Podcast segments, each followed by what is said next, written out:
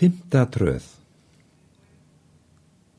Það er að vita þjóðarmenning að þraut rekja prestins kenning.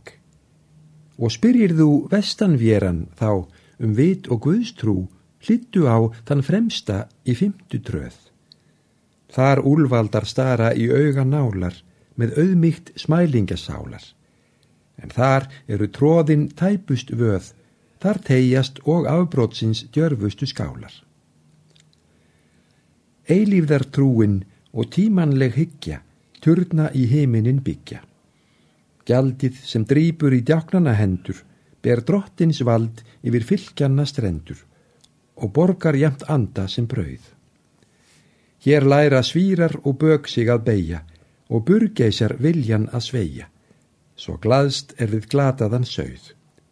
En engin tælist af orðum um jöfnuð, auður og fátækt á hvort sinn söpnuð. Áköllin liftast til hæða hofsins, kvelvingin ómar af sálmum til loftsins. Ekkert jafnast í jarðar heim við Jórvík nýju í organreim og fjesæld í fymtu tröð. En einn er sem ræður í engils mynd, í einsta hjarta berst digð við synd, frá alltari gullkálfs að stafkalls stöð. Æbandi þröngvanna gróðagrýp, á gjaldsins alvald dáðist ég að þar. Á blámanna urmulsins ista jaðar hver einastu munnur var lekandi rip. Og jórturleðrið er jakslað hraðar í Jórvík nýju en annar staðar. Legarnar teistu gleiðar og gladar þar Guðsmyndin tók hinn blakka svip.